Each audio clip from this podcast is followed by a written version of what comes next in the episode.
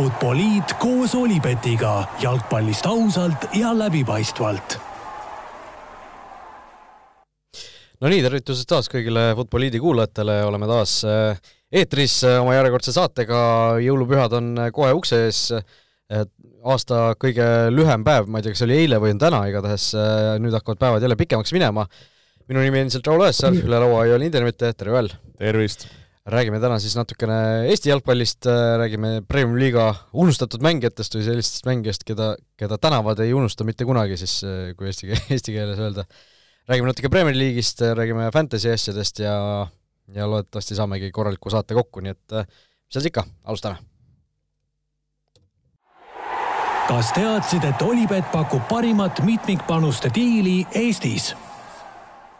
nii äh,, Eesti nurgas siis kõigepealt äh, Floras on, eks ju, puhkus, aga suured liikumised, äh, sellest peame ka siin paari sõnaga rääkima. Sander Post kõigepealt, äh, esimene uudis tuli teile abitreeneriks, mida see nüüd sinu jaoks tähendab, kas võetakse töö käest ära või, või tuleb lihtsalt abikäsi juurde või või on Norbert Hurt minemas nüüd spordidirektoriks rohkem, mitte, mitte seal sinna pingi peale abitreeneriks või, või mis seal täpsemalt nüüd toimub? ei, lihtsalt öeldes abikäsi juurde, et äh, nii ütleme, igal pool äh, tipptiimides ja maailmas ju tegelikult need staff'id on äh, äraütlemata suured, äh, rääkides äh, fitness pooltest, füsiodest, arstidest, et need ju ütleme, kui mõelda nagu näiteks, ma ei tea, Premier League'i staffi peale, et seal on noh, ligi kakskümmend, kolmkümmend venda, et et või, või, või kas või Levadia staffi peale. Nojah, et, et see nagu tegelikult on nagu reaalsus, et tööd on palju ja, ja inimesi on, on nagu vaja, et, et selle koha pealt hea niisugune äh, lisatäiendus, äh, kes, kes aitab meie, ma arvan, nagu võistkonna sees seal asju hoida,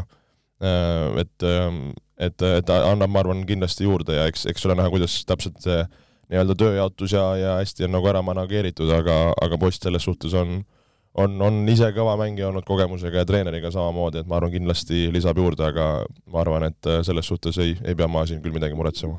Põhimõtteliselt kõige vanem mees teil üldse võistkonnas või Norbert Hurt on vist veel aasta, aasta võrra vanem, aga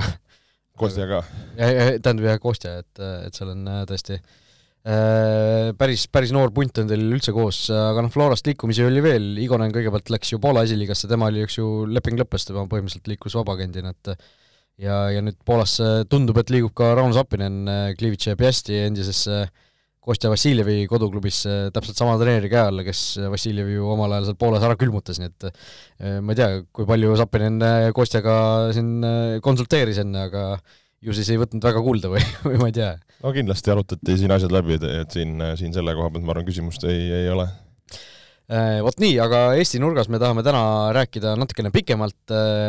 rääkida siis natukene äh, Äh, sellise väga pika ja põhjaliku kuulaja küsimuse äh, tõukel siis äh, Jaan Lašmanov, kunagine Nõmme Kalju kogukonnajuht vist, eks ju. minu kunagine ka naaber, nii et tervitused Jaanile. jah, saatis meile päris pika kirja, et kõigepealt kiitis meid, et teeme lahedat asja muidugi ja siis kui on kunagi tarvis fännile vaatenurka Tottenhamilt, siis andke märku, et Jaan Lašmanov on siis sellise õnnetuse saatuse endale saanud, et ta on Tottenhami poolehoidja. aga kuulaja küsimus oli tal siis selline, et tal on pikalt kerjanud peas mõte Streets will never forget mängijatest Eestis, mõnda aega tagasi oli selline trend Twitteris, kus Inglismaa jalkafännid meenutasid mängijaid Premier League'is, kes sellesse kategooriasse kuuluvad, ja Jaan siis leidis selle kirjelduseks näiteks sellise sõnastuse, et et on siis nii-öelda eliitžanr jalgpallurid, kes, kes, kes kuuluvad siis sellise äh, individuaalse rahva, rahva, rahvamängijate sekka, et kes, kes nagu fännidele meeldisid, eks ju, ütleme siis lühidalt. kes individuaalsete oskustega silma paistavad, eh, vahel siis lühema aja jooksul võib-olla, kes kuskil pikemalt püsima ei jää, kes käivad kuskilt läbi, aga jätavad nagu mingisuguse jälje seal. et eh, et kas meil tuleb pähe siis huvitavaid mängijaid Premium-liiga või meistriliiga aegadest, kes selle kategooria sisse mahuvad, et ta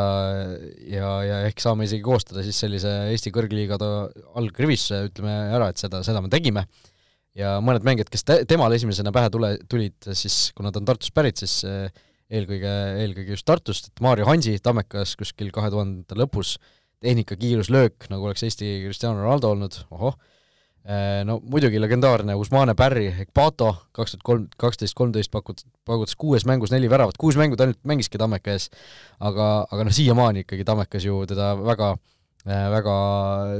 hea sõnaga meenutatakse ja Joel, ma tean, sinul ka on omad kogemused selle mehega olemas. On küll jah, tegemist oli päris suure kolliga ja, ja läksin mingil põhjusel talle keha panema, aga aga, aga suure mehe jõud temal oli, oli tookord natukene tugevam, et äh, sain, sain päris odavalt ära. sa ütlesid, et ta oli suur, et ta oli, ta vist nagu lai, ega ta väga pikk ei olnud, ta oli lihtsalt ülitugev siukse aga jah, ma arvan, nii, nii ässaka ja tugeva kehaga venda ma enam ei ole võib-olla isegi premium-liigas või noh, meistriliigas näinud. et ma olin siis äh, noor mees ka uljust täis, et seal oleks pidanud lihtsalt rahulikult püsima, et läksin seal midagi nokkima jah, see, see video on kuskil äh, väravat, pärast seda ta tõi värava, eks ju, see oli jah, seal läks, läks läbi ja väravat lasi ka veel kuskilt jalge vahelt, et siis äh, sellepärast see veel, veel halvem oli. Aga jah, see oli, ma lihtsalt mainin kummaliselt, et see oligi vist see, et äh, me Viljandiga olime juba põhimõtteliselt liigasse püsima jäänud, Tartu võitles seal püsima jäämise nimel, siis meie olime nagu veits, mäletan, natuke nagu lebos ja nemad siis äh, noh, panid täiega Äh, võitsid ka ja siis kuidagi seal oligi mingi, sellel ajal väga jalkat ei kajastatud, see oli mingi Õhtulehe mingi video seal kuskil kohal ja siis hullult tehti, oo, Tammeka võitis, Tammeka võitis, minu arust nad jäid lõpuks ikka vist liigast tahapoole, et siis äh, tundus kuidagi veider sellel ajal. äh,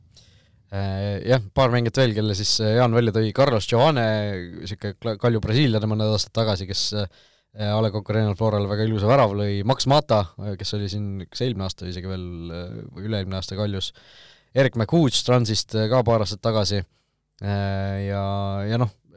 meie ka siis äh, panime natukene pead kokku või, või era-, eraldi siis mõtlesime selliseid mängijaid välja natukene, kes kes mingil põhjusel meelde jäid, noh, mina võib-olla sellesse Jaani antud definitsiooni nii palju kinni ei jäänud, et minule mingisugused mängijad tulid lihtsalt meelde, kes on sellised, kelle peale nagu pole aastaid, aastaid olnud põhjust mõelda või kelle peale pole lihtsalt mõelnud, kes on natukene võib-olla meelest läinud, sirvisin siin vanu koosseise ja igasugused huvitavad äh, mängijad tulid välja, ma ei tea, kas me alustame sellest äh, meie kokku pandud alg, algkoosseisust või, või sellisest sümboolsest rivistusest ja siis äh, räägime sealt ma arvan küll, mõtlengi, et mina, kui mina ka selle peale mõtlesin, siis no selles suhtes minu ütleme, ähm, on, on mängijaid kõvasti, kelle vastu olen saanud ise meistriliigas mängida, hiljem treenerina või, või mingi hetk, kui, kui ei olnud seotud, et siis, siis nagu jälgisin. et mina nagu üritasingi mõelda, et kes kes mulle on kuidagi meelde jäänud oma mingi kvaliteedi või, või olekuga, kes on nagu olnud niisugused nagu mõnes mõttes nagu ägedad mängijad, et tegelikult jah, neid niisuguseid noh, ütleme, ägedaid eestlasi, selles suhtes, kes mingil hetkel olid mingi jõhkras vormis, tegid mingi movie välismaale või niimoodi, ja, ja tegelikult selliseid nagu huvitavaid välismaalasi on olnud ka nagu küll, et, et tegelikult see oli nagu, me siin ju omavahel päris kõvasti nagu ragistasime, et kes nüüd lõpuks sinna, sinna koosseisu saab ja ja, ja eks me üritasime nagu olla, kuidas ma ütlen siis, äh, kas leidlikud või, või mitmekülgsed, et äh, muidu oleks olnud niisuguseid iga positsiooni võib-olla mingi parima venna võtta, et me natuke lähenesime äkki veidike nagu teise nurga alt või kuidas sa? nojah, see, mina just tahtsingi sinna panna just sellised mängijad, kes võib-olla natuke on nagu võib-olla meelest läinud, mingid muidugi tulid sinna sisse ka, kes, kes mängisid natukene pikemalt või kes, kes olid nagu natuke niisugusemad rohkem household nimed, et ke-, kellest räägiti nagu rohkem, aga noh, sinna sattus ka niisuguseid mängijaid, kellest kellest kindlasti ei räägitud nii palju, nüüd et alustame väravvahist, eh, mina võtsin siis, eh, see oli, see oli minu nii-öelda pakkumine, Sillamäel ja Tartu Tammekas mängis kunagi selline mees nagu sakslane Mihhail Patrik Kaltenhauser, ehm, minule, kes ma toona ka juba hakkasin ju eh, Tartus ülikooli minnes seda Tammeka mängu rohkem vaatama, siis mulle tema jäi nagu väga kuidagi eredalt meelde või ta, ta oli niisuguse nagu kuidagi ägeda stiiliga väravvaht ja tegelikult ta Äh, mängis nagu Tammeka eest ka päris, päris korralikult. ela, elava stiiliga oli jah, mäletan, kas tal olid mingisugused pikemad äh, lokikesed ja asjad või niisugused juuksed, siis ta kuidagi jah, alati nagu möllas ja oli no action'is sees, jah. ma, ma ei mäleta, kas see oli samal ajal, kui oli see Tammeka peatreener, oli see legendaarne Uwe Erkenbecher, kes oma pingi peal istus äh, aa, mulle just rääkis Martin Miller rääkis mingi loo, kuidas seesama Uwe oli selle pingiga istunud kuskil seal äh, Äh, väljaku ääres ja siis vist äh, noorem Tenno, kas see on Simo Tenno või? et see oli kuidagi jooks-, jooksnud mingit palli puhastama, siis ta jooksis täiega sellele uvele sinna sisse pingi kõrval. ja siis oli midagi veel torisenud ka eesti keeles sinna uvele otsa, et mis sa teed siis midagi taolist. et siuke lugu. no vot, igatahes Kaltenhauser jah, mängis, mängis kahe klubi eest lausa Eestis ja lõpuks just avastasin mingisuguse uudise teda natuke guugeldades, meenutades, et kaks tuhat kaksteist oli siis see aasta, kui ta ära läks Äh, ja kaks tuhat kaksteist lõpus äh, mängis mingis täiesti suvalises äh, Saksamaa madalama liiga klubis, kellega siis ootamatult pidas sõpruskohtumise Müncheni Bayern, kes tahtis Mario Gomezele vigastusest taastumise järel mänguminuteid hankida ja siis Kaltenhauser mängis samal aastal siis Eesti Premium-liigas ja, ja mängis ka Müncheni Bayerni vastu, nii et selline selline mees äh, oli siis nii Sillamäel kui Tammekas äh,. kaitseliiniga olime me püsti hädas, olgem ausad, sellepärast et äh, no ei olnud sinna mingi, mingisuguseid väga erilisi nimesid äh, äh, väga palju nagu võtta kohe, äärekaitsjaid me ei leidnud põhimõtteliselt vist ühtegi lõpuks. no ütleme nii, et kõik need kaitsjad, keda oleks võinud nagu nii-öelda võtta, need olid kõik sellised nagu pikemaajalised legendid, a la Kalimullinid, Kitod, Kamsid, kes siin kõik olid. Ken Kallasted ja niisugused. et äh, kes, äh, kes olid nagu kogu aeg teemas, et see oleks olnud veits nagu liiga igav, igav valik nagu jah, ja olude sunnil meil siis äh, tuli, tuli äh, liikuda sellises suunas, et äh, esimese nimena panime sellise kolmemehelise keskkaitseliini ja ja Joel Lindermitte, kadunud mängija, omal ajal ikka kõva, kõva, väga kõva kapten igal pool ja ja aga vigastused rikkusid tema karjääri ära, aga noh, tänapäeval ikkagi on treenerina rohkem tuntud, aga vähesed teavad, et, et kunagi oli ka suur mängumees. ei tõesti, oli, oli kõva mängumees. Ähm, ei no tegelikult ähm, see oli niisugune jah, poolnaljaga sinna sisse visatud, et äh, aga kuna jah, me kolmest kaitseliini otsisime ja kedagi nagu pähe ei tulnud, siis, siis tundus nagu õige, et äh, et ikkagi sada viiskümmend neli mängu meistriliigas, üksteist väravat, päris, päris hea, päris hea et tõesti tegelikult äh, noorena sai, sai päris korralikult seda, seda mängu mängitud, et et ma arvan küll äh, äh, nagu täitsa nagu uhke oma, oma selle niisuguse nagu väikse, väikse karjääri üle, mis, mis nagu tehtud sai. ja, ja ma arvan, seal omal ajal, kui, kui olin nii-öelda ikka heas vormis, siis ma arvan, nagu meistriliiga mõttes olin täitsa, täitsa tipp-topp mängija. no vot, ikkagi selles tippvõistkonnas lõpuks võimalust ei saanud. see, see on aga... ainuke asi, mis võib-olla natuke närima jäi, aga eks siin oligi, et ma ju tegelikult ka ju Flora äh, priisisünnitel mitu korda osalesin, et seal oli erinevaid, ütleme, poliitilisi ja, ja muid aspekte, miks, miks šanssu ei saanud, aga jalgpall on juba selline, nii et on nagu on. Okay.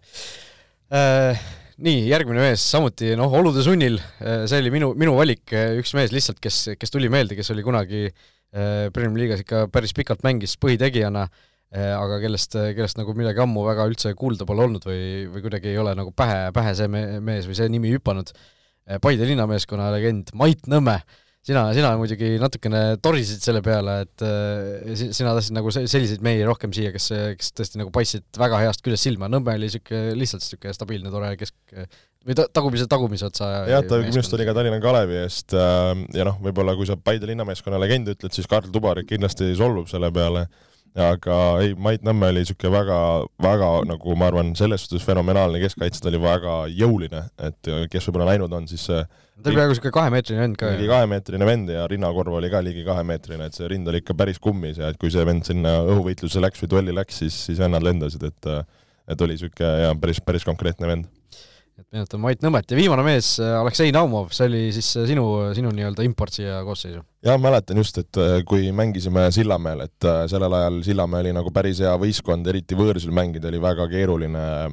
nad olid niisugune väga hea vurriga punt, seal olid Ratnikovid, mingi hetk Aidara, Kabajevid, muid, muid mehi, kes seal nagu liikusid ringi.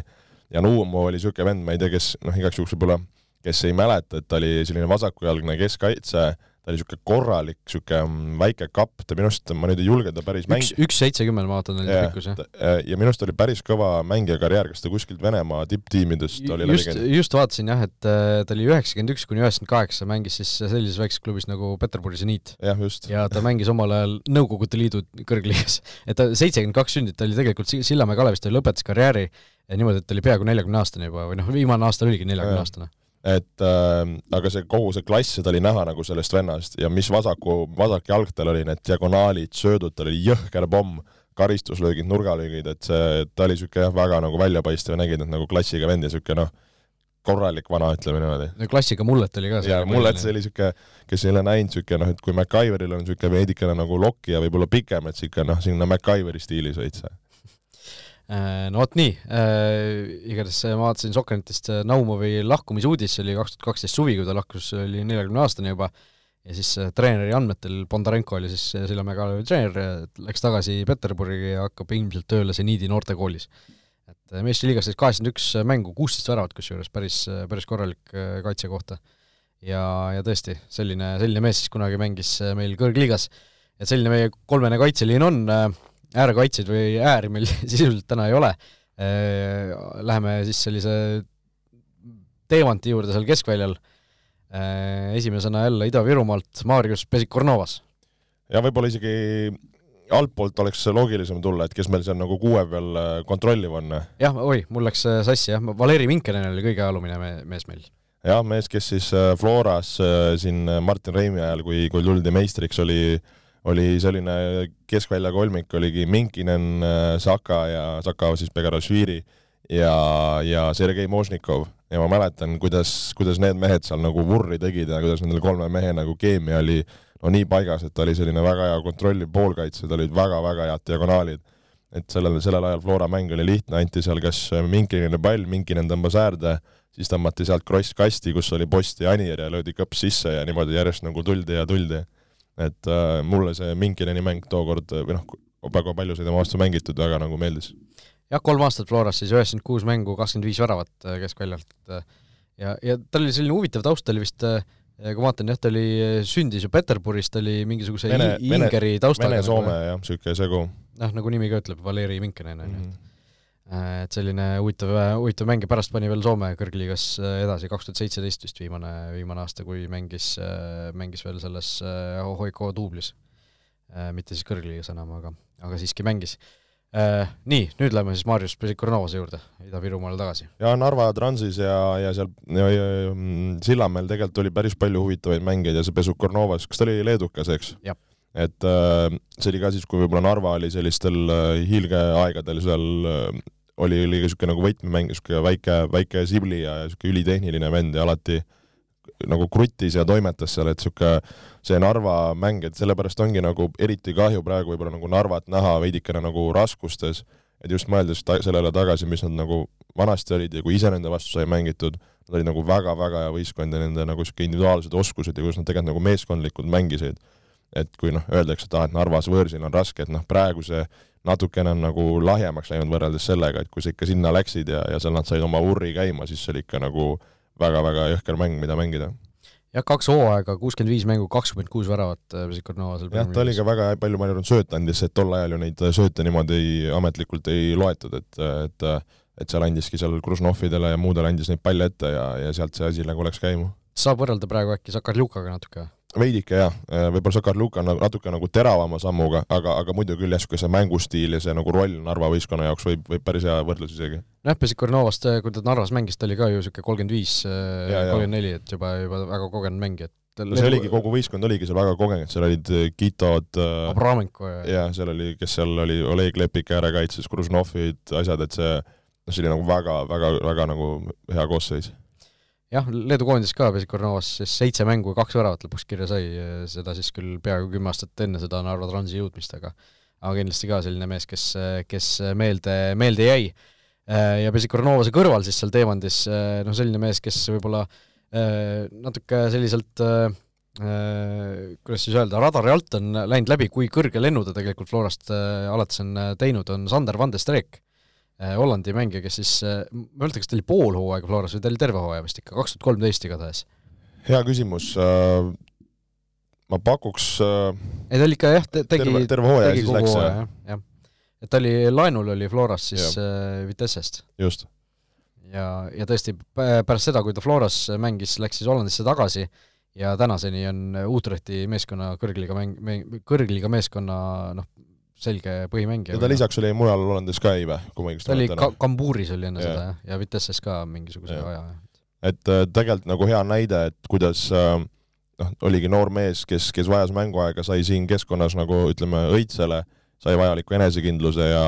ja, ja, ja siis juba tegi nagu karjääri, et äh, nii palju, kui ma nagu kuulnud olen, siis ta oli nagu hästi niisugune nagu normaalne inimene ja niisugune kahe jalaga maa peal vend ka, et niisugune väga norm vend et, et selles suhtes ja, ja tegelikult see ju need nagu oskused ja see mitmekülgsus, mis tal oli, et see, see oli päris nagu niisugune muljetavaldav, oleme ausad. jah, ja kas tal ei olnud mingisugust, hiljuti tegi mingisuguse uskumatu mängu äh, Hollandi kõrgliigas, kas ta ah,, oli jah, ma ei tea, kas see on see, mida ma mõtlen, aga kaks tuhat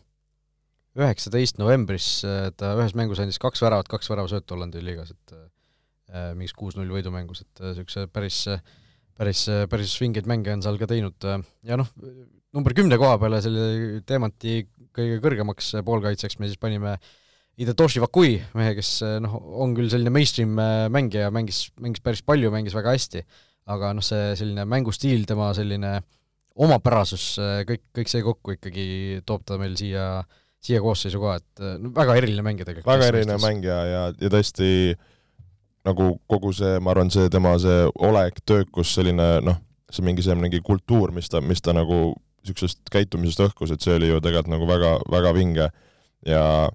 ja, ja just mõeldes, kui ta, kui nad Kaljus seal ju Neemeloga kahekesti ründas oli, et see oli nagu ideaalne duo, et sul oli niisugune pikk hea target, kes, kes nagu sidus seda mängu ja siis sul oli niisugune Vakui-sugune töökas mesilane seal nagu kümne peal ja nad nagu nii hästi kombineerisid, tajusid üksteist, et ise olles keskkaitse, ma mäletan, see oli ikka nagu väga keeruline nende vastu mängida. ja, ja tõesti, ma arvan, nagu Eesti meistriliiga mõttes nagu ikkagi väga silmapaistev ja, ja meeldejääv mängija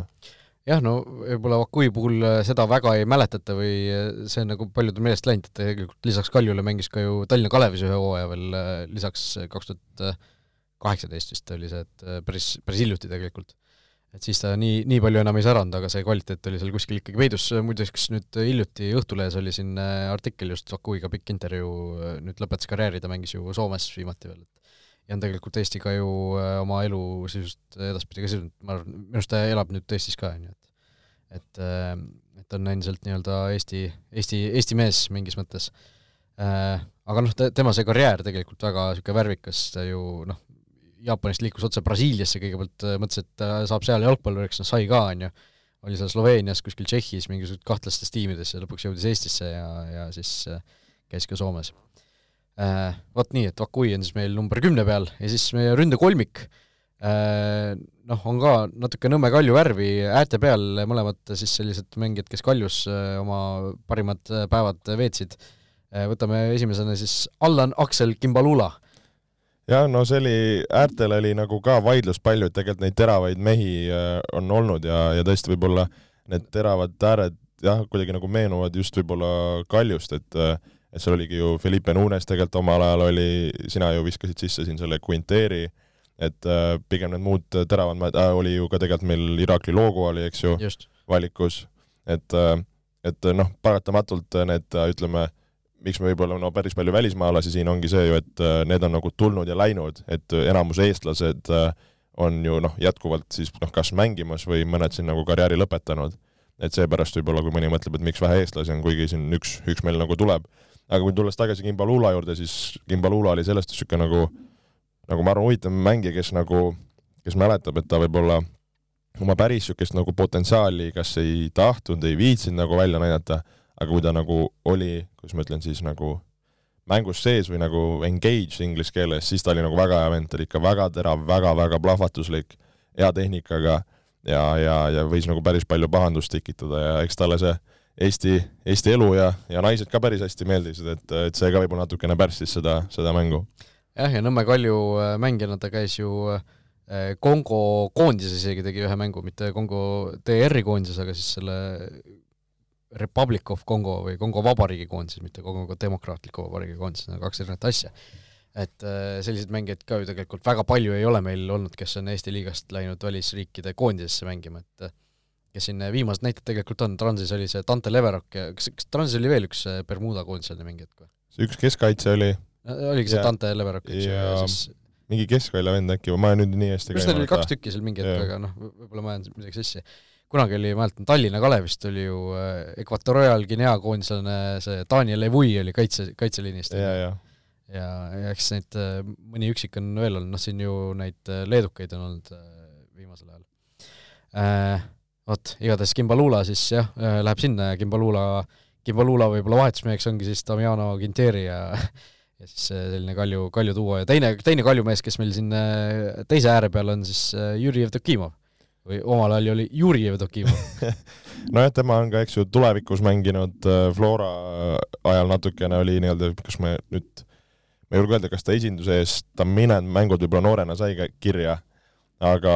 aga tegelikult oli mitmel aastal seal äh, premium, noh, premium-liiga, meistriliiga, äh, meistriliiga väravate lööjate topis ja, ja tegelikult oli niisugune väga huvitav ja mitmekülgne ründemängija, aga tal just ka äh, tervis oli see, mis, mis alt vedas, et tal põlved on mitu korda läinud ja ära opitud ja ja, ja, ja ei saanud võib-olla nii, nii palju võib-olla nagu oma sellest karjäärist välja pigistatud, kui oleks, oleks taht-, tahtnud. Aga, aga jah, tõesti niisugune hästi, kuidas ma ütlen, nagu niisugune teistsugune ründaja oli, et ta nagu oskas neid väravaid lõpuks nagu ära lüüa nojah, kui statistikat vaadata, siis eh, noh, sinna natuke, kümme ja natuke peale aastat tagasi tema need parimad hooajad jäid, et tulevikus tal oli kaks tuhat üheksa oli kolmekümne viie mänguga neliteist väravat, siis eh, Kaljus kaks tuhat kümme kolmkümmend neli mängu, kakskümmend üks väravat tema noh, parim hooaeg numbrite järgi, kaks tuhat üksteist ka veel kolmkümmend kolm mängu, kuusteist väravat, kaks tuhat kaksteist, kui Kalju tiitli võitis, siis kolmkümmend mängu, kolmteist väravat, et ja siis, ja siis tulid vigastused peale, ta ju tegelikult oli üks võistkond, mida sa ei maininud, kus ta oli, oli Infonetis ka ju põhimõtteliselt ma ei tea, kas ta üldse esindusmeeskonnast just mingid üksikud mängud tegi, aga noh, ta oli ka, ka vigastusega no püsti hädas siis. nojah, tal põlv, põlved on olnud väga-väga äh, suureks äh, murekohaks ja, ja praegu ka minu arust, kui ma ei eksi, ta siin Paide kolme on registreeritud ja vahepeal äh, käib, aga ka vahepeal lööb, löövad need vanad asjad välja.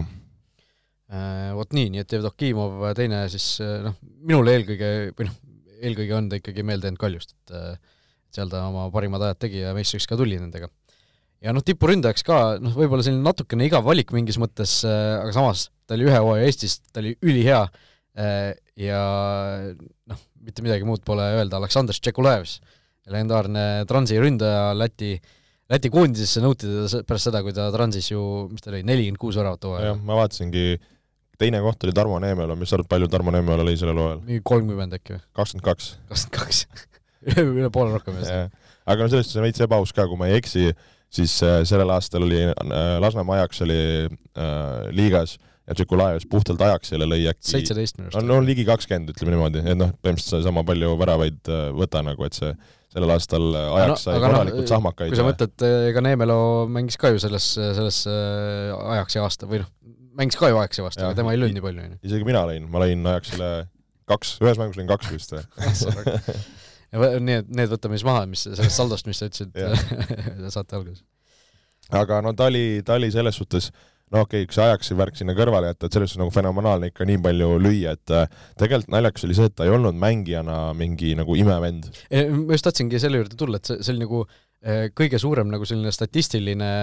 mingisugune erand või sihuke outlier inglise keeles, et et ta tõesti mingi suvamängija tegelikult nagu, kui sa vaatad mingit äh, kuskil äh, suva mingid Islandi, Malta klubid, äh, mingid Läti, ma ei tea, madalamad liigad umbes, siis tuleb ühe hooaega Transi kolmkümmend viis mängu, nelikümmend kuus väravat. Jaa, no ütleme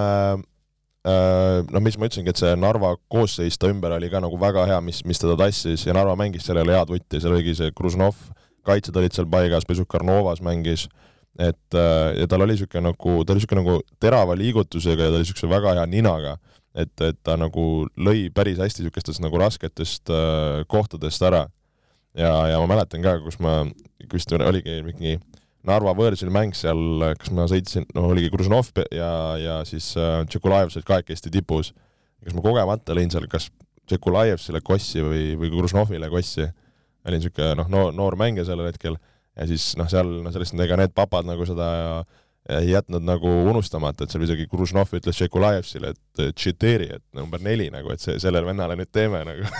siis ma mõtlesin, no jopa kolla, mis nüüd tulema hakkab. tehti ka siis? ma ei mäleta, ei oleks olnud vist, et seal vist rahunes asi maha nagu, aga korraks mõtlesin küll, et kui seal nagu Kružnov Narvas nagu närvi läheb, et pärast oodatakse kuskil riietusruumi ees või midagi, aga, aga läks hästi, aga ta oli noh, sellest jah, nagu huvitav, huvitav, et noh, ikkagi nii palju lüüa, oleme ausad, on, on fenomenaalne nagu jah, kaks tuhat üksteist siis äh, kogu maailma kõrgliigade top skoorer vist. jah, ja kas ta läks pärast seda kuhugi Ungarisse, kui ma ei eksi või? ta oli Papa Lombardis oli mingi hetk jah. kusjuures äh, mul see oli niisugune veider ka lugu, et äh, ma kunagi ma ei mäleta, mis aasta see oli, ma käisin suvel, käisin kaks tuhat kaksteist oli. käisin Debreceni juures, käisin äh, trialil ähm, ja siis ma käisingi Debreceni mängu vaatamas äh,, kui nagu neil oli mäng ja siis ma olen nagu tribüünil ja siis vaatan, vist oligi seesama Papa Lombardiga mängisid, kas Tšekulaevs oli pingil või niimoodi. siis ma nagu vaatan, et nagu jube nagu tuttav mees, et nagu ei saa aru, kuidas see võimalik on, siis ma ei mäletanud, kuhu ta läks nagu mm. siis kuskilt sain vaadata mingit protokolli asja, vaatan, nii kaua, Tšekulaevs peal, mõtlesin, no väga huvitav, et kuidas elu, elu on ühte kohta nagu mõnes mõttes viinud. endiselt meeles see kossi panek, okay. võib-olla. aga jah, kaks tuhat üksteist maailma topskoorid, Tšekulaevs nelikümmend kuus, Cristiano Ronaldo nelikümmend kolm, Robbie Mobrezi kolmkümmend viis, selline esikolmik Äh, nii et ongi, meie koosseis on ette loetud, kas mingisugused mängijad on veel, keda me pole veel maininud, Loogot mainisime siin, Patost rääkisime alguses juba, äh, noh, minul mingisugused vennad ongi, tahaks lihtsalt ära mainida siin, kellest pikemalt võib-olla ei, ei hakka rääkima, aga noh, Mikk Klaas mulle Tammekas väga meeldis äh, kunagi, Jevgeni Kabajev, eks ju, Sillamäe väravamasin, Kassim Aidara, kes käis siin ka pooled Eesti klubid läbi, Danil Ratnikov tegi selle ühe Sillamäe superhooaja, kus teda nõuti koondisesse isegi, Kristjan Kõrtsmik oli kunagi üli, noh, tõenäoliselt mingi viisteist, kui ta mängis juba meistriliigas vist, on ju Äh, nii, noh, kes siin veel on, Omar El-Husseini ju välismaalastest, kes, kes on ka nagu Eestiga kuidagi elu sidunud, äh, mitmes klubis mänginud, on meelde jäänud, äh, noh, Jasper Uvak-Pulam samamoodi, Sergei Tumasjan oli ju Kaljus ja, ja Infonetis, kes, kes oli niisugune äge mängija, et et sellised võib-olla mingid nimed, mis, mis siin pähe hüppasid veel selle, selle teema peale mõeldes. ja ütleme neid nimesid, keda, keda veel oleks äh olnud tuua oleks kindlasti ja, ja, ja neid pro-, vanu protokolle üles kaeva, kaevates oleks, oleks leidnud veel, et et, et loodame, et siin jah, kellelegi liiga ei teinud või keegi mõtleb, et miks need vennad sees on, et niisuguse üritasime leidsa, leida niisuguse kuldse kesktee ja, ja, ja tuua, tuua mingid mängijad välja. Jah, see, tuletame veel meelde, ei ole mingisugune pingerida või mingisugune paremusjärjestus või või kõige paremate mängijate üksteist, et see on lihtsalt selline äh, Äh, valik, äh, valik äh, ajaloost või sellistest mängijatest, kellest midagi meenutada on. Nii et vot, läheme edasi vast Premier League'i juttude juurde. kas teadsid, et Olipet on Eesti spordiennustajate esimene valik? Premier League'is siis meie eelmise saate järel on mängitud kaks vooru, küll paberi peal, tegelikult tunduvalt vähem on neid mänge olnud, sellepärast et koroona tõttu on ikka jube palju neid edasi lükatud kohtumisi olnud, eelmises või noh, selles viimases voorus eelmisel nädalavahetusel kümnest mängust toimus lõpuks neli. Ja noh, põhimäng ikkagi, millest siin kõige rohkem on räägitud, Tottenham Liverpool kaks-kaks, see oli ikka päris vägev andmine tegelikult kokkuvõttes, et Tottenham oleks tegelikult isegi väärinud võitu nende võimaluste pealt, mis neil tegelikult ju olid. aga seal oli draamat igas, igas väljaku otsas ja igasuguste otsustega, nii et selleni me veel jõuame ja ütleme nii, et äh, üks äh, selle hooaja, ma arvan, ma arvan, ägedamaid mänge ja, ja, ja ma arvan, nagu osalt, miks selle mänguga nii põnevaks tegi, nagu sa ütlesidki, et see Covid ja kõik see on ju räsinud, äh, ütleme, kõikide võistkondade koosseise ja mõeldes ka nagu Liverpooli peale, et seal ju tegelikult ju noh, enamus mehed olid olemas, aga samas keskväli oli, oli olema, ütleme ausalt, veidikene hõre, ei olnud seal Van Dyke'i taga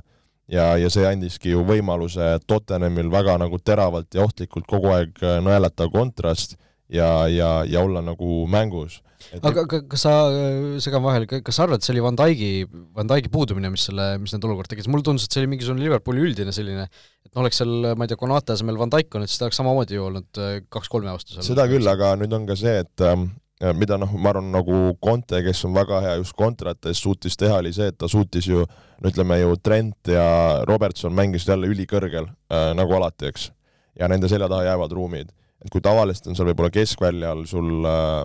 see Fabinho. Fabinho, eks ju, kes, kes aitab lappida või, või omal ajal oli sul Vainaldum, kes lappis nagu, et praegu oli ju see noor poiss, kes noh, pole Tyler Morton. kes pole, eks ju, noh, mänginudki, Milner, kes ei ole nii heas vormis et, et need võib-olla keskväel ei suutnud neid auke nii hästi seal liini ees ja nendes, ütleme siis nende äärekaitsjate selja taga nagu lappida, mis andiski võimaluse nagu väga hästi Keinil ja Sonil neid nagu jookse teha ja, ja, ja nagu Van Dijk ka on, on just tema fenomen ongi selles, et sa võidki mängida väga kõrgel, et ta suudab seal nagu üks-ühes hakkama saada, ta suudab neid õigel ajal nagu maha võtta. et see oli nagu üks nagu ma arvan, väike detail sellest, et ma ei usu, et see võib-olla jah, päris nagu nii oleks või saab, saab öelda, aga, aga kindlasti see oli nagu, nagu oluline ja, ja tegelikult ma arvan, nagu Tottenham mängis äh, nagu hea, hea partii ka, oleme ausad ju jah, Tottenham äh, mängis minu meelest hästi, no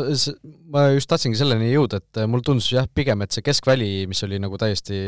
ebatavalise kolmikuga, võib-olla oli pigem rohkem isegi põhjus kui Van Dijk'i puudumine, miks need Tottenhami võimalused tekkisid, noh kes mängu on näinud, siis Tottenhamil tõesti esimesel poolel ju põhimõtteliselt kolm korda said, said rünnata niimoodi, et olid kas kolm kahe vastu või kaks ühe vastu ja ja, ja noh, kuidagi ei löönud neid, neid võimalusi ära, et seal kui vaadata ka seda expected goals'i, siis kaks-kaks jäi mänguseis, aga expected goals Tottenham kolm koma neli Liverpooli vastu Liverpool üks koma viis, et et seal Son jättis noh, kaks ikka kuldset asja kasutamata, seal Kein, Keinil oli üks võimalus, mis jäi, jäi seal veel kasutamata, Dele Allil oli üks noh, fantastiline olukord, mängiti, mängiti ta täiesti vabaks löögile, aga seal Alisson sõrmeastega tõi, tõi väga, väga super tõrje ka asja ära, et et seal Tottenham oleks pidanud selle mängu selles, selles plaanis võitma, et neid võimalusi oli neil tohutult palju, aga samas kas nad oleksid pidanud jääma seal kohe esimese poole alguses vähemusse, Harry Kane'i taklamine Andy Robertsoni vastu on siin mängu järel päris palju sellist vastukaja toonud ja ja no kui sa vaatad neid igasuguseid aegklubis videosid ja, ja pilte, siis raske on nagu vastu ka vaielda, jalg on tegelikult kõrgel, ta läheb Robertsonile siis noh, hüppeliigesest kõrgemale ikka vastu säärt, tald ees suhteliselt suure sellise intensiivsuse voo pealt ja noh, kui Robertsonil oleks see jalg, mille vastu see kontakt tuli, oleks olnud noh, kindlalt maas, siis võib-olla me oleks, oleks seda punast isegi näinud, oleks võib-olla Robertson seal raskelt vigastada saanud, nii edasi, aga aga noh, vedas selles suhtes, et Robertsonil oli just nii-öelda sellest jalast üle hüppamas ja vigastada ta ei saanud ja Kein pääses, pääses kollasega. ja no just ütlesid, ma arvan õigesti, et kui Robertson poleks hüpanud, me võiksime rääkida väga tõsisest vigastusest, et äh, no vahest nagu mängija, kuidas ma ütlen, nagu alateadlikult sa suudad ennast nagu kaitsta, kui sa näed, et nagu tuleb, et noh, rumal oleks, et sa jääd nagu kahe jala peal ootama, et davai, no nüüd tule sõida puruks mind. et äh, need tavaliselt, need jõhkrad vigastused tulevadki siis, kui need jalad nagu sinna maha jäävad. Ja sellepärast nagu üha rohkem selliseid ohtlikke tulekuid äh, karistatakse nagu äh, kaardi, nagu just punaste kaartidega et noh, see Keini tulek, ta ikka tuli ju noh, põhimõtteliselt ju nagu kelgumäest tuli alla sel-, selg selja peal ja, ja korgid üleval, et see ikka oli nagu väga robustne, mis sest, et tahtis nagu palli mängida. aga ma arvan, see on see koht, kus, kus tuleb need kohad nagu ära, ära karistada ja ükskõik, oled sa Harry Kane, oled sa Tottenhami staadionil, noh, see, see, see nagu on veider, oleme ausad, ja tegelikult ka nagu, et Varr ei sekku, noh, et et mis need nagu argumendid on, et äh, miks mitte punane, nagu kas sa nagu kuidagi suudaksid se selle nurga alt nagu põhjendada või? jaa, suudan küll, et äh, või noh, ma suudan seletada seda, miks see Varr ei sekkunud, et ma loen esmaspäeviti ikka väga põhjalikult äh, ESPN-i ajakirjaniku Dale Johnsoni Twitteri äh, neid äh, Twitteri teemasid, mille, kus ta arutab äh, kogu nädalavahetuse neid igasuguseid varriotsuseid ja natuke selgitab või või põhjendab ära, miks, miks mingil, mingis olukorras võidi tehta üks otsus või teine otsus ja seal tema tõi välja, et et see Varri ütleme, see sekkumise lävi, lävi on siis viidud väga kõrgele tegelikult äh, Premier League'is. ehk siis kui eelmisel hooajal seda, neid penalteid, igasuguseid selliseid väikeseid kõkse anti nagu liiga palju ära, siis eh, noh, klassikaline Premier League'i varri eh, asi on see, et eh, kui midagi on nagu halvasti, siis minnakse järgmisel hooajal täiesti teise äärmusesse, ehk siis nüüd on, nüüd on nagu viidud see täiesti teisele poole, ehk siis kui ma sain aru sellest protsessist niimoodi, et kui mingisugune selline olukord on, siis peakohtunik, kes selle otsuse esialgu peab, eks ju, tegema, ta selgitab varrile siis seda, mida tema nägi. ja kui varr Varr näeb, et see kirjeldus nagu klapib sellega, mis, mis ta video pealt näeb, siis, siis see otsus jääb püsima. ja kui noh, pra-, praegu on see olukord siis põhimõtteliselt selline, et et kui see olukord vähegi klapib, siis Varr ütleb, et okei okay,, sa nägid seda asja, ma ei sekku, ja, ja jääbki niimoodi, samamoodi nagu tegelikult oli selle Šota penalti olukorraga, eks ju, sama esimene poolaeg natuke hiljem, et äh, kui teda lõi-, lükati ikka, tõugati ju täiesti selgelt selga. ma, ma nüüd korra vaidleks vastu, seal oli tõuge,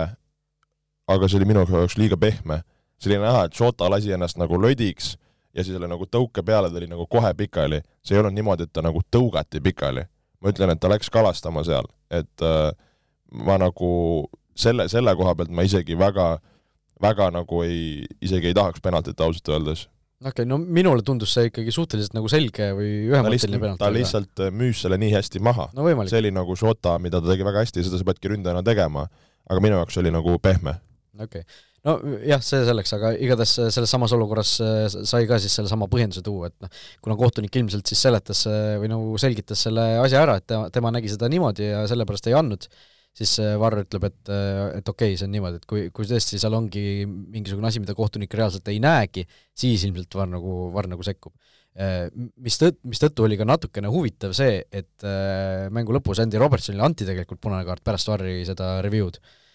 kus tegelikult kohtunik ju ilmselt ikkagi nägi seda olukorda päris hästi, seda oli ju kaugelt näha, et no võib-olla, kui mõelda Robertsoni peale, et noh, okei okay,, et oota, kas me igaks juhuks võib-olla inimesed pole näinud, et Kein tuli, eks ju, siis tallade ees sisse, ja Robertson siis läks küljejoonele seisvale mängijale no, e-, erinevad olukorrad siis. jah, ja läks siis põhimõtteliselt tahtis nagu nii-öelda nagu palli ära lüüa no,. ta, ta kaotas ise palli ja läks nagu tagasi tegema natuke väga. aga no ta tõmbas lihtsalt toorelt jalaga kuhugi säärde põlve kuhugi kodaratesse nagu, et no lihtsalt väga kõvasti lõi vastu. no sihuke Sunday League või sihuke Õismäe kooli jalka sihuke Eesti-Vene pundi vahel, et sihuke sihuke, sihuke taklang nagu, et äh, ja siis anti alguses kollane kaart ja siis äh, kohtunik kutsuti ikkagi monitori juurde ja anti ma ütlen, et selle puhul, et kui rääkida selle sinu loogika peal, siis võib-olla oli see, et ta, ta nagu arvas, et ta nägi, et see läks nagu, nagu kuidas ma ütlen, läks seda palli tagasi võitma natukene nagu võib-olla siis, kui ma ütlen, ilusamini või nagu või ta, või ta läks palli mängima. jah, ta läks palli mängima, et talle tundus selles hetkes, aga noh, kordusest on selgelt näha, et palli mängimist on asi kaugel, see oli puhas niisugune nagu viha, viha nagu purse, võiks öelda et, et see võib-olla oli siis see, see nagu sekkumise koht noh, ilmselt küll, aga igatahes selline see Varri äh, nii-öelda loogika hetkel Inglismaal on. Äh, noh, ilmselt vajaks jälle mingisugust sellist äh, sättimist seal, sest noh, seesama Dale Johnson on välja toonud ka, et Chris Cavanaugh, kes oli selle, sellesama mängu varr vist, eks ju, tema tegelikult UEFA jaoks on väga hinnatud varr, ta pannakse suuri mänge tegema, UEFA-s ta teeb hoopis teistmoodi neid asju et see ikkagi on äh, küsimus sellest, kuidas Premier League'is äh, see varri nii-öelda seadistus või see varri, äh, varri nii-öelda reeglid on või, või mingisugused juhised, mis kohtunikele antud, et see, see ikkagi vajab endiselt mingisugust sättimist ja noh, seda nagu me oleme nii palju sellest rääkinud ka, aga see, kuidas Premier League ei saa selle varriga üldse nagu seda, seda kuidagi paika või sellega hakkama, see on, on nagu tõesti koomiline juba varsti, et aga, aga noh, andmata jäänud penaltid või mitte, punane, punased kaardid äh, andmata või mitte, igatahes mäng lõppes kaks-kaks ja, ja Tottenham ikkagi pigem vist kahetseb, et seda võitu selliste võimaluste pealt ei saanud. ja muidugi, kui sul ikka niisugused šansud seal üks-ühed, head krossid, äh, et siis, siis pigem võib mõelda küll niimoodi, jah. ja, ja noh, tasub ära mainida ka see, et seesama Tyler Morton, kes siis äh, kaks tuhat kaks sündinud on, see fakt, mis on mitmelt poolt läbi ka käinud, et et äh, James Milner, kes siis äh, Mortoni kõrval mängis, äh, tegi oma Premier League'i debüüdi kümme päeva pärast seda, kui Tyler Morton sündis et jah, niimoodi. kusjuures ega ei tea, kas sa nägid, mul tuli sellesama faktiga meelde NBA statistika Lebron Jamesi kohta, kas sa nägid seda või äh,? ei, ei näinud vist, jah. et, et ta on siis, ütleme, oma nagu pool elu on olnud NBA-s. no kaks tuhat kolm ta, eks ju, läks. ehk siis nii-öelda sama palju päevi oli nagu sünnist NBA draftini, kuni siis praegu on NBA draftist tänase päevani. päris karm. jah, ma mäletan, Kobe Bryantil oli ka mingi hetk see, käis see nagu kõks ära karjääri lõpus mingi hetk, et ta ka ju noh, enam ei saa ju nii varalt, varakult äh, NBA-sse minna, et sa pead natuke vanem olema, toona ju kaheksateistaastaselt juba sai, sai sinna minna, kohe pärast keskkooli vot nii, Premier League'ist enne kui Fantasy juurde lähme, siis on meil ka Olibeti küsimus ja kuulaja küsimus on siis selline, et kes lööb esimese värava Boxing Day lahingus Man City ja Leicesteri vahel? ehk siis milline mängija? selleks on Phil Foden. Phil Foden, okei okay.. Äh, mina ütlen, et see on äh, Kevin De Bruyne. väga põnev. no City, City on praegu nii heas hoos, et siin no mõtlengi, et võib-olla jah, võib-olla siis ilusti ütle ära, et mis tegema peab, et, et vastus kirja saada. just, pange siis, äh, postitage oma vastus Olipet Estonia Facebooki lehele meie viimase saate postituse alla ja kõigile õigesti vastanutele, kes samale mängule vähemalt viie-eurose panuse on teinud, ükskõik millisel turul Olipetis, äh, siis Olipet annab neile kakskümmend eurot tasuta panustamisraha. Äh, vot, lähme siis meie Fantasy juurde no, ka. võib-olla kiirustame, et siin tuleb, ma arvan, Manchester Cityt tunnustada okay,. jah oleme nüüd ausad siis. Cityl ka ju tegelikult fantastiline nädal äh, selja taha jäänud, seitse-null võit Leeds Unitedi üle, Leeds Unitedi probleemid on muidugi äh, ka siin, mis väärivad vast rääkimist, koroonaga on neil kusjuures kõik korras, aga äh, neil on tohutu vigastuste kriis, neil on, kaitseliin on täiesti ära, Patrick Bamford on juba tükk aega väljas olnud, eks ju, seal keskväljalt Rafinha, või see mitte Rafinha, vaid Calvin Phillips on väljas, Rafinha on olemas. et ja kuna Marcelo Pielsa tahab mängida sedavõrd õhukese koosseisuga muidu, siis eh, kui ongi niisugune selline vigastuste laine, siis Leedsil on ikka väga halvasti praegu ja, ja noh, seal viimases mängus eh, Arsenali vastu ka neil oli ju kas mingisugune neli mängijat oli umbes pingi peal üldse ja, ja täiesti äh, ei, ma ajan Chelsea'ga sassi, Chelsea oli neli väljaku mängijat pingil, aga aga see noh, Leedsi olukord praegu tundub ikka päris selline habras ja noh, ei saa nagu süüdistada ka kedagi teist peale tegelikult iseenda, et see koosseis nagu on selline, nagu ta on. jaa, ja pluss tegelikult on ju sellest pikalt räägitud, et see Pielsa metoodika on see, kus, kus mängijad nagu purunevad, et et see, see on nagu karm reaalsus selle koha pealt. just. aga no City, eks ju, praegu võidult võidule ja, ja ülikindlalt võidule, eks. jah et äh, seitse-null siis pandi Leedsile ja nüüd äh, viimati neli-null Newcastle'ile, et äh, noh, ei ole küll kõige raskemad mängud, olgem ausad, aga, aga praegu see tuleb need punktid ära võtta niimoodi, kuidas saab, sellepärast et noh, mine tea, kui kas mingid mängud lükatakse edasi või mitte, õnneks see esinelik on saanud kusjuures mängida kõik mängud ja praegu siis olukord on selline, et City kaheksateist mängu küll mängitud, Cityl siis punkte nelikümmend neli, Liverpool nelikümmend üks, Chelsea kolmkümmend kaheksa, Arsenal kolmkümmend kaks, ehk siis Cityl niisugune väike õhuvahe on tegelikult juba Liverpooli ja eriti Chelsea'ga sees. jah, ma just tooks välja selle Chelsea väga kehva selle nädala, mis, mis on selle õhuvahe tekitanud, et kui mõelda, et see on praegu kuus punkti see vahe, see asi võib siin minna nagu mõnes mõttes nagu hullemaks, et äh, Chelsea võib siin nagu väga korralikult omale nagu jalga lasta. Et, äh, et äh, noh, Chelsea, kui mõtleme, eks ju, sellel nädalal nad tegid kaks viiki, eks ju, nad tegid üks-üks Evertoniga kõigepealt ja siis äh, oli meil null-null Woolsiga võõrsil. jah ja kusjuures tegelikult see ju, see Wolvesi mäng ju, nagu Wolves mängis nagu tegelikult ju väga, väga sümpaatselt, ma ütleks. no tegid niisugust äh, Wolvesi, et nad äh, tegelikult, äh, me ei ole neist väga palju sel hooajal nagu rääkinud isegi siin saates, aga nad on kaitses on tegelikult Kaitse väga, väga, väga head olnud. ja, ja tegelikult ju see, nii see väravat, Jose Saaga on, on palju nullimänge teinud ja nagu kaitselinn ka, et ma vaatasingi, et see nagu kaitsti nagu väga hästi. aga noh, Chelsea'l, eks ju, oleme ausad, neil ei nad on mänginud äh, need viimased mängud ilma ründajata, eks ju, ei ole Timo Wernerit, ei ole Lukakut, ei ole Havertzit, ehk tegelikult nad on nagu pidanud lappima seal, on ju mänginud, ma ei tea, kas Ziyech mängis ühe mängu niisuguse pool, pool tipuründaja koha peal, on Pulisitsi seal proovitud, et nagu need ülemised ründavad, ütleme, ääred või number kümned on pidanud väga palju seda nagu ründaja kohta täitma, et noh, jalkas noh, nad võivad head vennad olla, aga sul on vaja nagu ründajaid. et äh, et see on olnud neile ikkagi nagu väga raske ja, ja minu jaoks, ma ei tea, sa, äh, sa ju vist ka kommenteerisid, kas mõlemat mängu või? Äh, mõlemat on vist, jah. ja minu, mis minule tundus, oli see, et veider, et nagu Chelsea, no näha on, et Tuhhelil on see süsteem, aga kas sulle ei tundunud, et see Chelsea nagu veits minu jaoks nagu nühkis üle seda söötu ja, ja kuidagi nagu otsis kogu aeg mingit nagu, mingeid, mingeid nagu lahendusi, et seal oleks pidanud nagu mõlemas mängus minu arvates nagu rohkem survet väravale panema?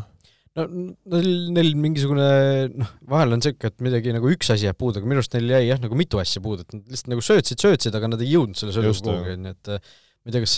lihtsalt üritatigi plaan A-d, ei olnud nagu plaan B-d või, või mingisugust muud asja, aga noh, samas kui sa vaatad, siis ega sinna rünnakule ei olnud nagu kedagi muud ka tuua, seal toodi ju Saul nagu ees, toodi mõlemas mängus äh, platsile, okei okay,, teises mängus ta oli natuke, natuke parem Pulsi vastu, aga esimene mäng, esimene mäng Evertoni vastu, ta oli tipuründes mängis, on ju. ta oli täitsa mälus ju. ta oli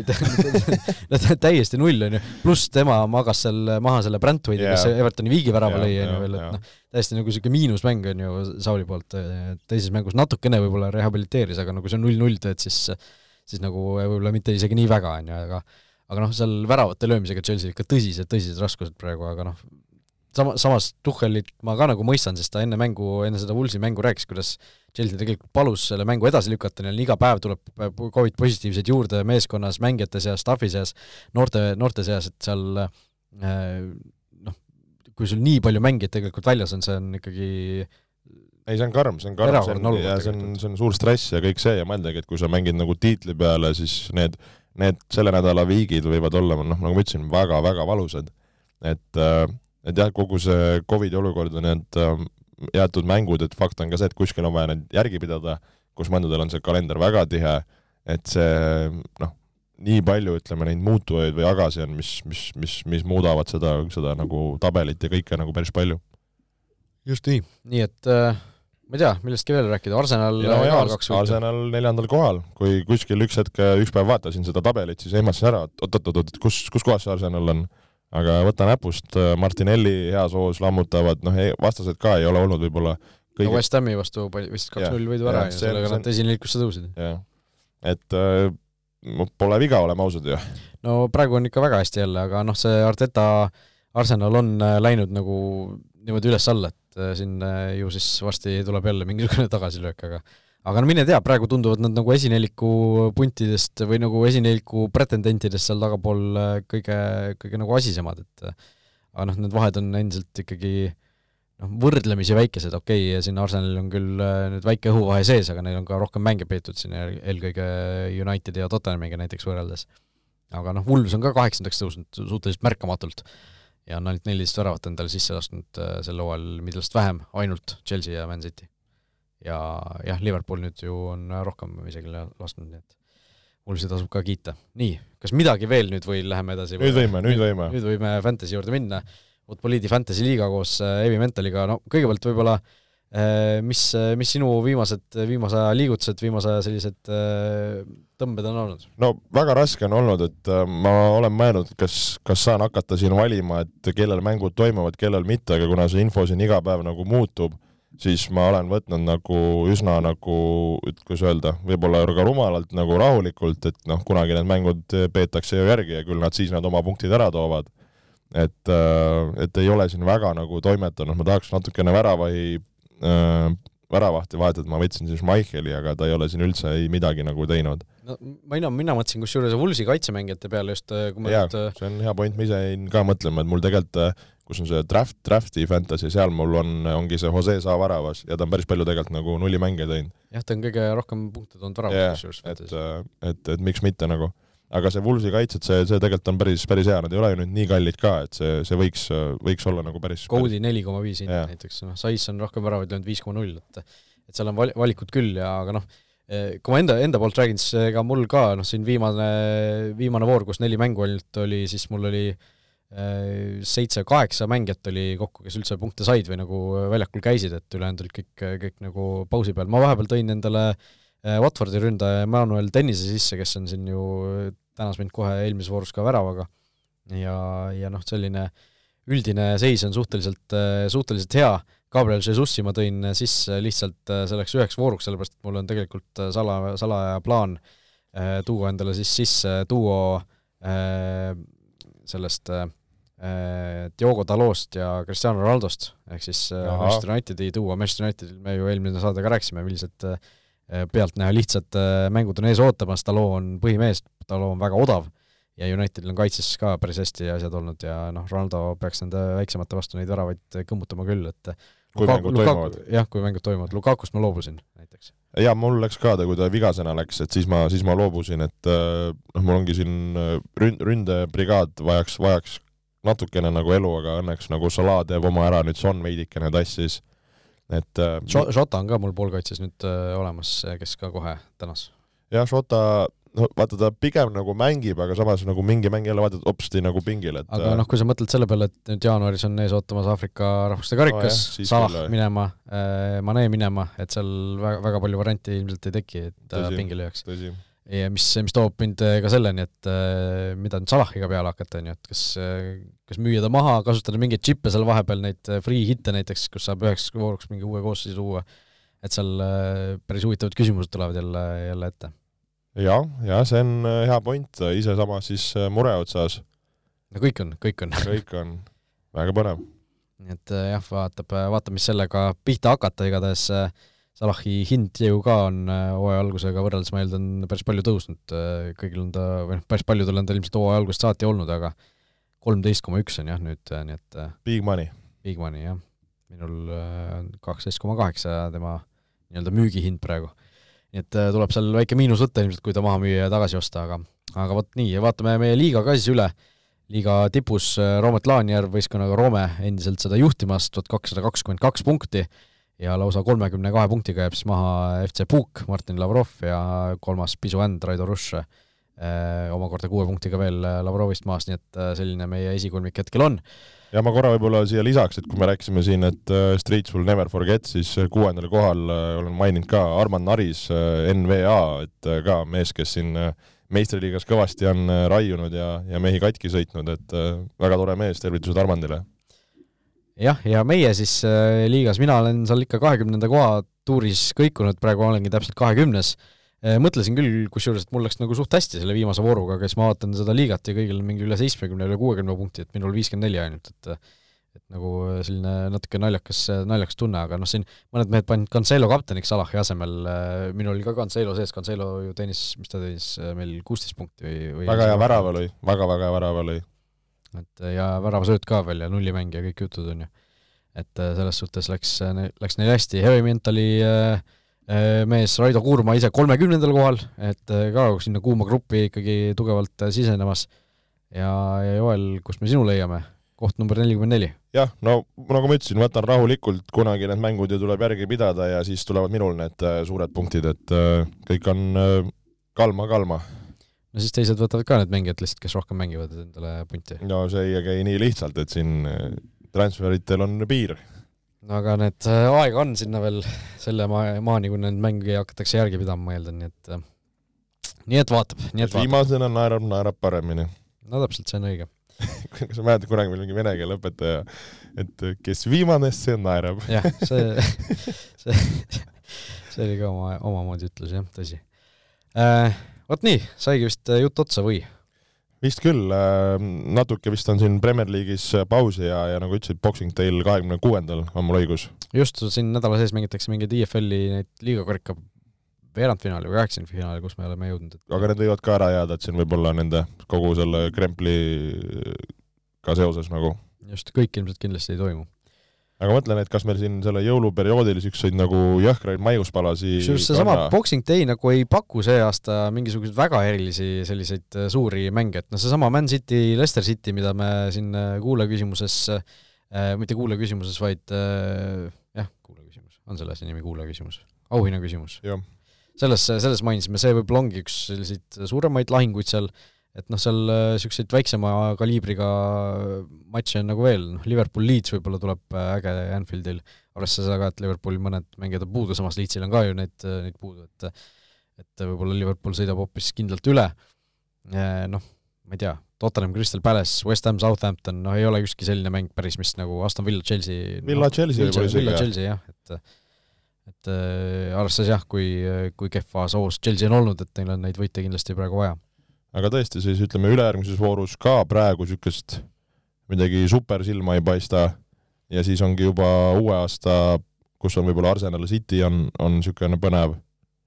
ja Chelsea Liverpool on siis teisel jaanuaril, et kas nagu vahest minu arust, seal on eks ju küll ka loosi ja asjadega, aga